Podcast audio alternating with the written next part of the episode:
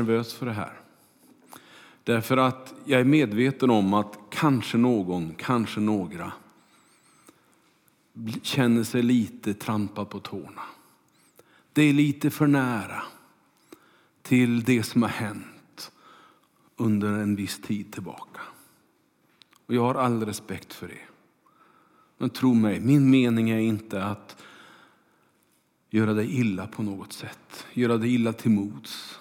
Utan min tanke med min predikan idag, det är att visa på ett hopp som du egentligen tror jag som finns här inne och kanske även framför tv-apparaten eller datorn.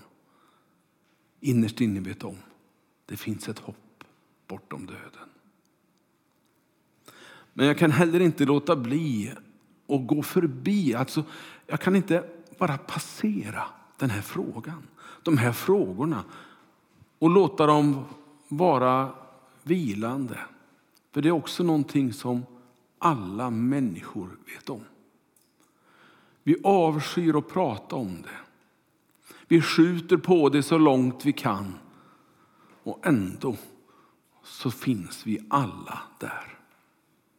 På ett eller annat sätt. Dagens predikan kommer inte att besvara alla frågor om döden. Det är lika bra att erkänna med en gång. Det är helt enkelt för att det inte går att besvara alla frågor omkring döden. Jag tror inte att det är meningen att vi ska förstå alla frågor kring döden. Så möter du någon predikant någon gång som säger att jag kan allt, jag kan förklara allt om döden, så hys genast lite tvivel om sanningshalten i det. Får du tag på någon bok i någon, i någon eh, bokklubb eller i eh, var du nu köper böcker som säger här är allt om döden. Det stämmer inte. Nästan så att jag säger att inte ens allt om döden står här. För Vissa saker tror jag är förborgade för oss. Det är liksom gömda för oss. Vi kan inte begripa det. Vi kan inte förstå det. Det blir för mycket. Vi har nog med att förstå allt i livet. Hur många begriper allt i livet? Nej, det verkar inte vara så många som erkänner det heller. Och det, det var nog ganska bra tror jag. Men eh, om döden så har vi så få som kan berätta något vettigt. Trots att alla kommer att vara med om det så är det ingen som kan berätta hur det är. Mer än en. Jag känner honom, men han säger inte så mycket. Han ler lite när jag frågar och säger du får uppleva själv. Men, och så kommer hoppet. Visst finns det berättelser om de som har återupplivats efter en kort eh, hjärtstillestånd eller en, en kort upplevelse av att ha dött liksom på det sättet. Tyvärr är det dessutom några som har bluffat den berättelsen. Det finns faktiskt en hel bok som är skriven om upplevelser efter döden och som visar sig vara bluff. Och det är jobbigt. Därför att det, det skänker en osäkerhet om det som vi inte behöver vara osäkra på. Den enda som vet sanningen om döden, det är Jesus. Han har varit där. Han var där och återvände. För att aldrig mer behöva uppleva den delen.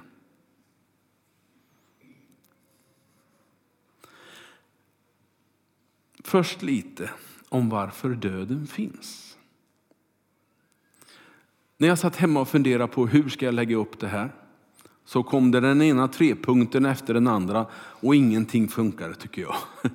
Och jag vet inte ens om det här funkar, men jag, nu har jag en version som jag tänker berätta för dig. Och det första är att döden har blivit naturlig.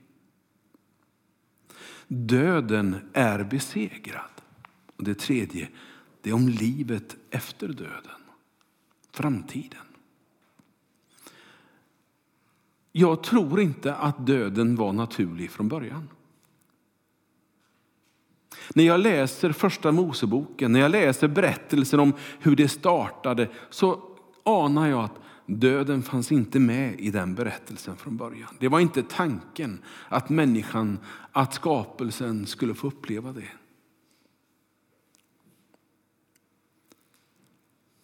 I Eden, du vet berättelsen om Adam och Eva, så fanns det ingen död. Mycket märkligt. Vi har nästan svårt att tänka oss hur det är utan död, eller hur? Det har blivit så naturligt för oss och ändå så talar vi om det så lite. Allt var då liv och allt var gemenskap med skaparen. Gemenskapen var så stark så det fanns ingenting, fanns nog inget ord för död ens en gång. Men du vet ju hur det gick. Adam övergav Gud och drog döden in i människosläktet. Och efter det så är alla som har Adam, liksom, och det har vi ju allihopa vi människor som, som föregångare, så har vi med oss det här som innebär att vi dör.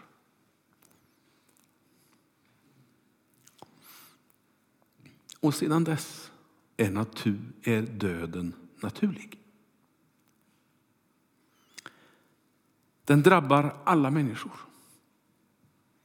Den kan drabba alla åldrar. Den drabbar unga människor och vi blir förtvivlade. Den drabbar riktigt unga människor och vi bara försjunker ner förlamade i sorg och begriper ingenting.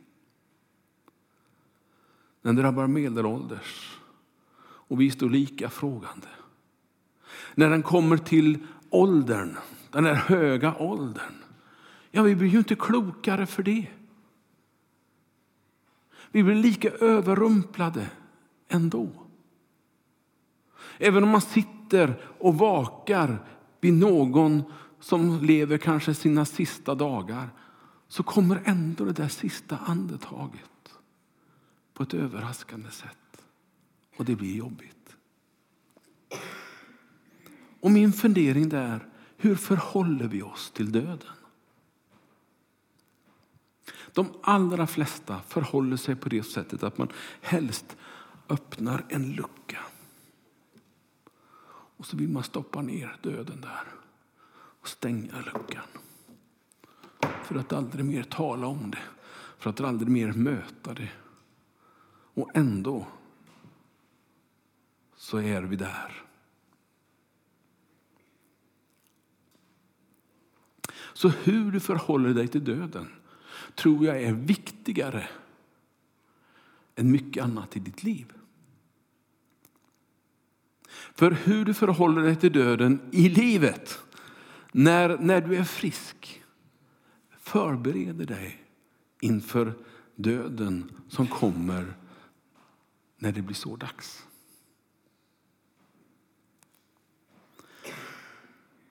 Det andra som jag skulle vilja tala om det är att döden är besegrad.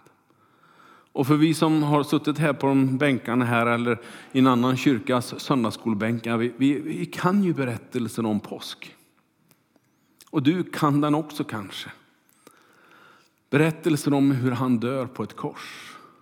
Hoppet, frälsaren, han som skulle lösa allt. Han som lärjungarna hade satt allt sitt framtid till och tänkte att när Jesus, det blir grejer det. Vårt folk blir befriat och allt löses. Messias är här. Men det var inte det som var hans uppdrag. Hans uppdrag var blott det ena egentligen, att besegra döden.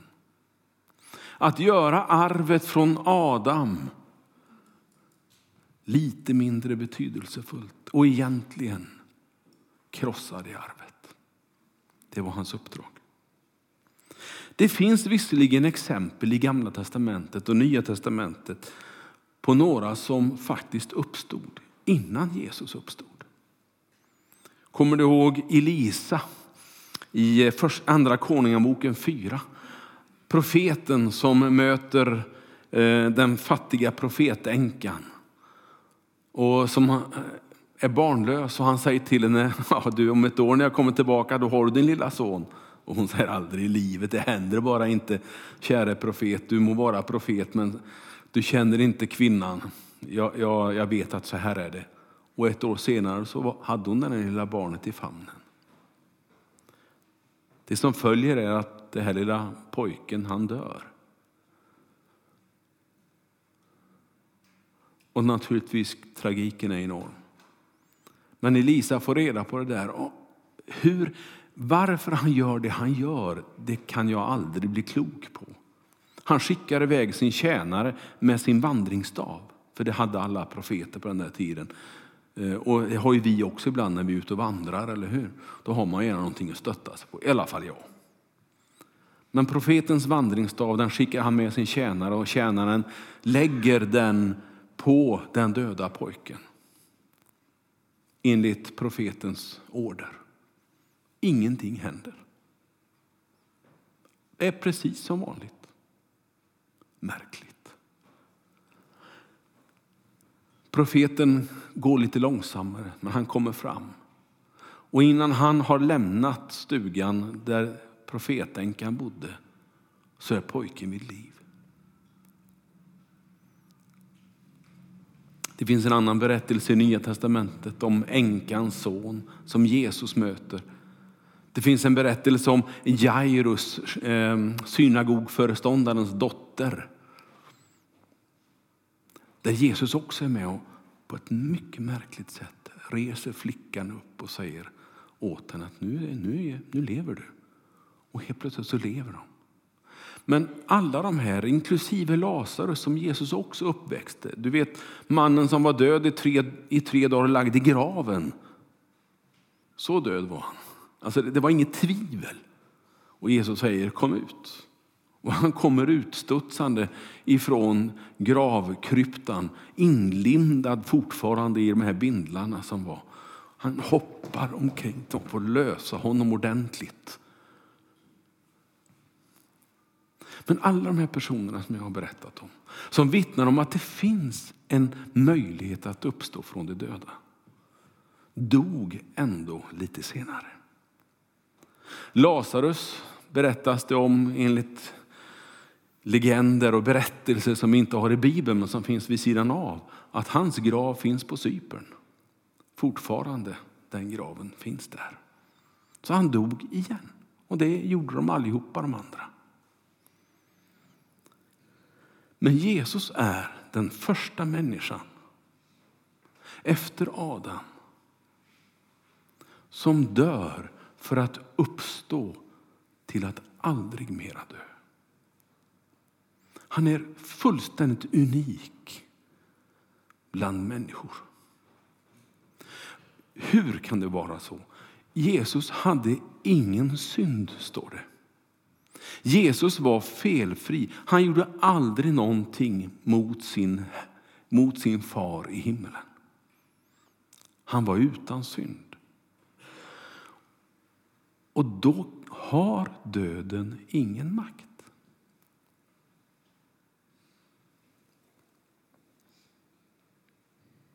Så uppståndelsen, det är ett Jesu verk. Förmodligen genom den heliga ande. För det står så märkligt i Nya testamentet att det var den helige andes kraft som uppväckte Jesus. Och samma härliga andliga kraft finns i dig och mig. Och nu börjar det ticka i mitt hjärta. Jag känner det faktiskt nu. Hur det börjar ticka av glädje har jag fått samma helig ande som uppväckte Jesus från de döda. Då rår inte döden på mig heller. Jo visst, jag kan dö. Mitt hjärta kan sluta slå. Min kropp kan ge upp. Den höll på att göra det för ett tag sedan, men kom igen. Och det är jag glad för. Samma helig ande bor i mig. Vilket gör mitt liv till ett liv som sträcker sig bortanför döden. För han, Jesus, har gått före. Han har gjort det som ingen annan kunde. Det är därför som Paulus yttrar i andra Timoteusbrevets första kapitel att döden är besegrad. Döden, var är din udd? skriver han. Och det är ett märkligt uttalande av en man i andra Timoteusbrevet, det vill säga i slutet av sitt liv. Han har kämpat länge, han har stått öga mot öga med döden eh, på flera, flera gånger. Någon gång till och med så att de dödförklarade honom efter stening. Men han reser sig upp och går därifrån i alla fall. Och nu skriver han i slutet av sitt liv, strax innan det man tror blev hans avrättning. Du död, var är din seger? Du död, var är din udd? Nästan lite triumfatoriskt i alla fall. Ja, jag är gammal, jag är sleten, jag är stenad, jag är förföljd, jag är dömd av kejsare och romerska myndigheter. Men de rår inte på det liv som tickar i mitt hjärta, för det är av evig karaktär. De kan göra kroppen ved. De kan bryta varenda ben i kroppen på mig. Men Paulus tänkte, jag är ämnad till någonting ännu mer. Det tar inte slut för att man släcker hjärtats förmåga att pumpa. Döden är verkligen besegrad. Det fanns de på Jesu tid som sa uppståndelsen finns inte. Det fanns ett religiöst parti, Saddukeerna, som påstod detta att det finns ingen uppståndelse. Och Jesus gick emot dem. Paulus går emot den tanken också. För han säger, om det inte finns någon uppståndelse, då finns det heller ingen Jesus som jag vill tro på. Då är min tro värdelös, skriver han. Min tro på honom, mitt hopp för framtiden håller inte om inte Jesus har uppstått från de döda. För det är så förknippat med den tro vi har, att han uppstod. Och det är det som gör att det blir tro. Jag kan inte bevisa att han lever. Jag kan inte bevisa att Jesus uppstod på den tredje dagen. Jag kan inte bevisa att han lever idag och att han sitter på Faderns högra sida som Nya testamentet undervisar. Det går inte. Men jag kan tro. Och i mitt hjärta finns det ett hopp. En tro som sträcker sig vid sidan av, bortanför det sista andetaget. Jag kan inte förklara hur det ska gå till. För det, det blir jättekonstigt om man börjar tänka för mycket på det.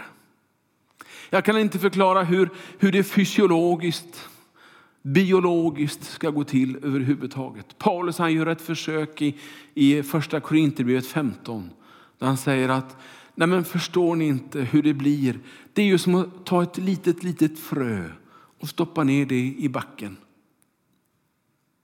Fröet, det blir inte mycket av det, men det ger upphov till någonting mycket vackert.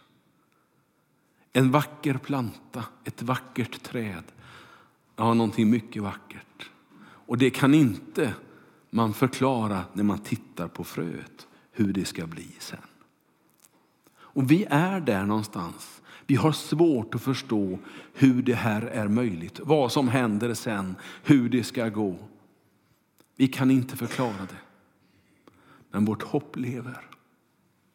Lika säkert som det strålar liv ut ur det där lilla fröet. Eller den där potatisen som pappa satte varje vår hemma på, eh, vid vår villa så tryckte han ner ett helt gäng med potäter i backen. Och runt midsommar där strax efteråt så började det att bli dags att skörda. Och vi fick äta goda potatisar. Och det var ett lika stort under varje år på något sätt. Och ändå så var det så naturligt. Jag stod inte och funderade på hur det är möjligt och hur det matematiskt eller biologiskt överhuvudtaget är tänkbart. Utan jag åt och var glad. Och jag tror att här ligger en hemlighet.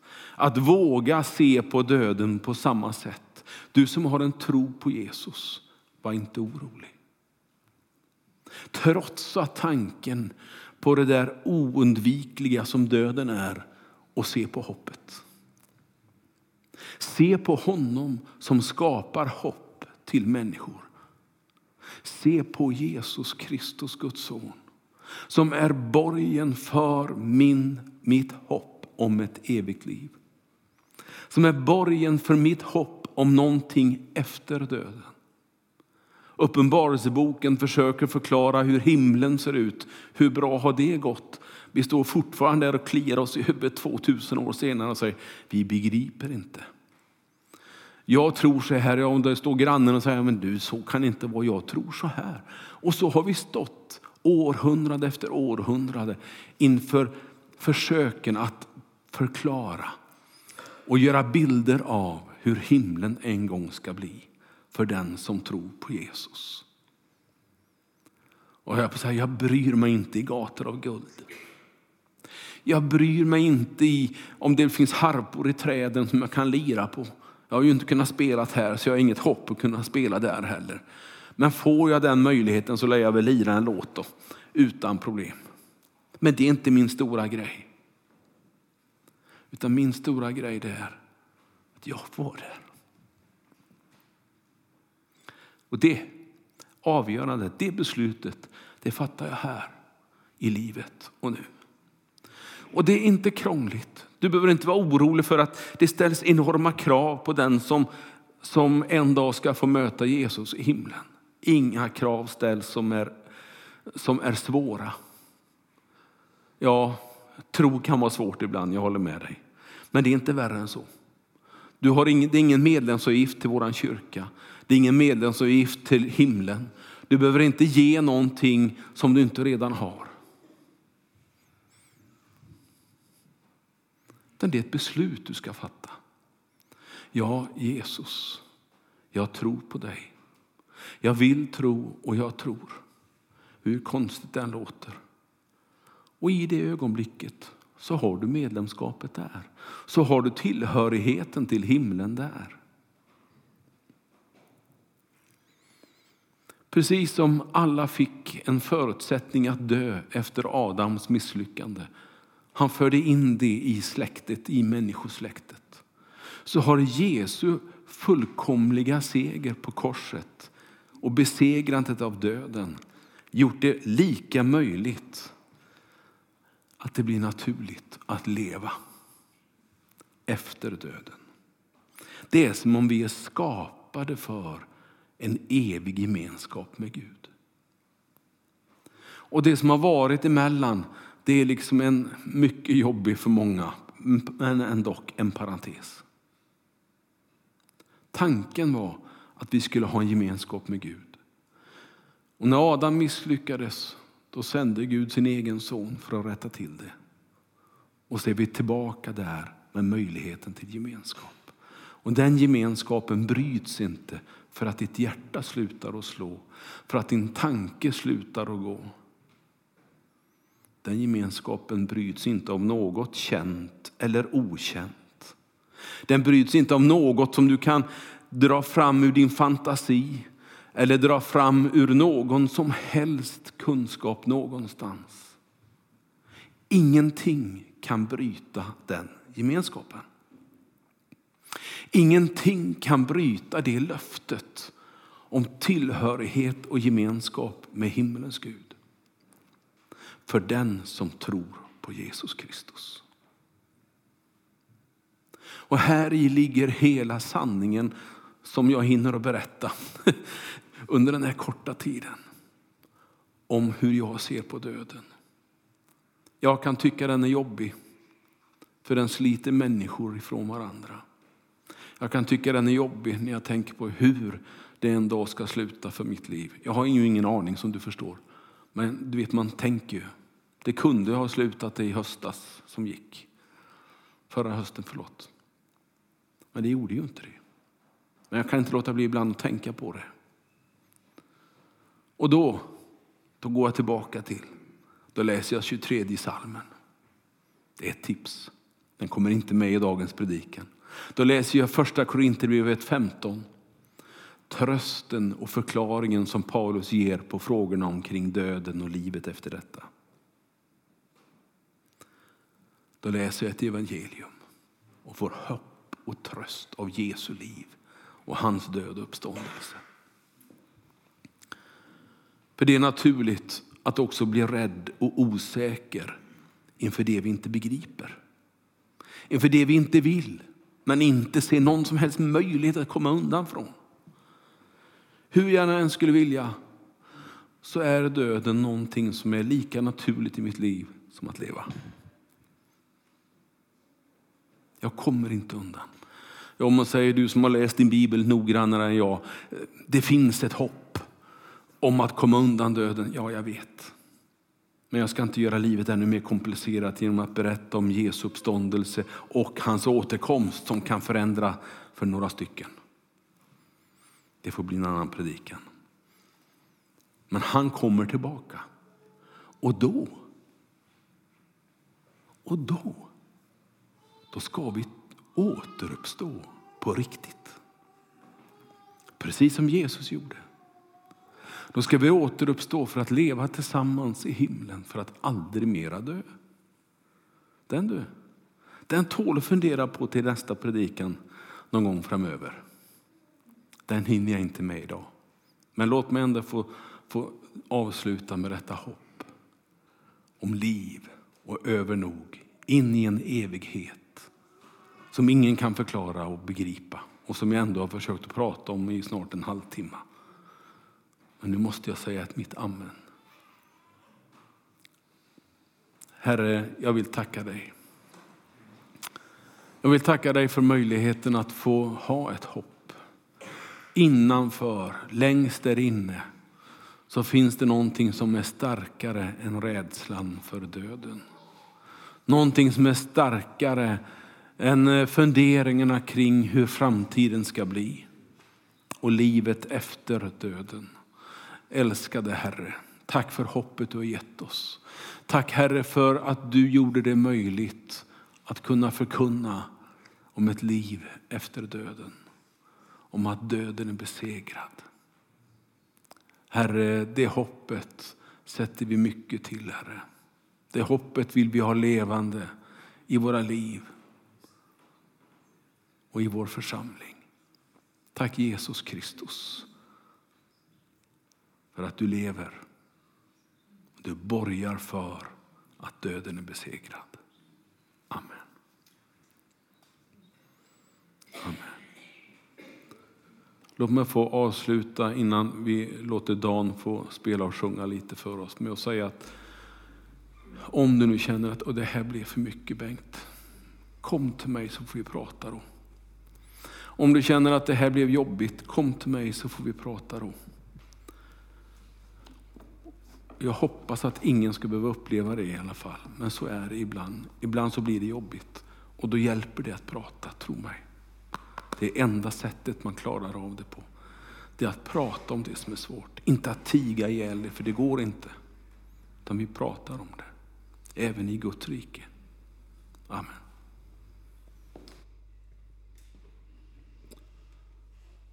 Tack Bengt. Många fina tankar. Jag har valt en sång utav Nils F Nygren. Ni vet den härliga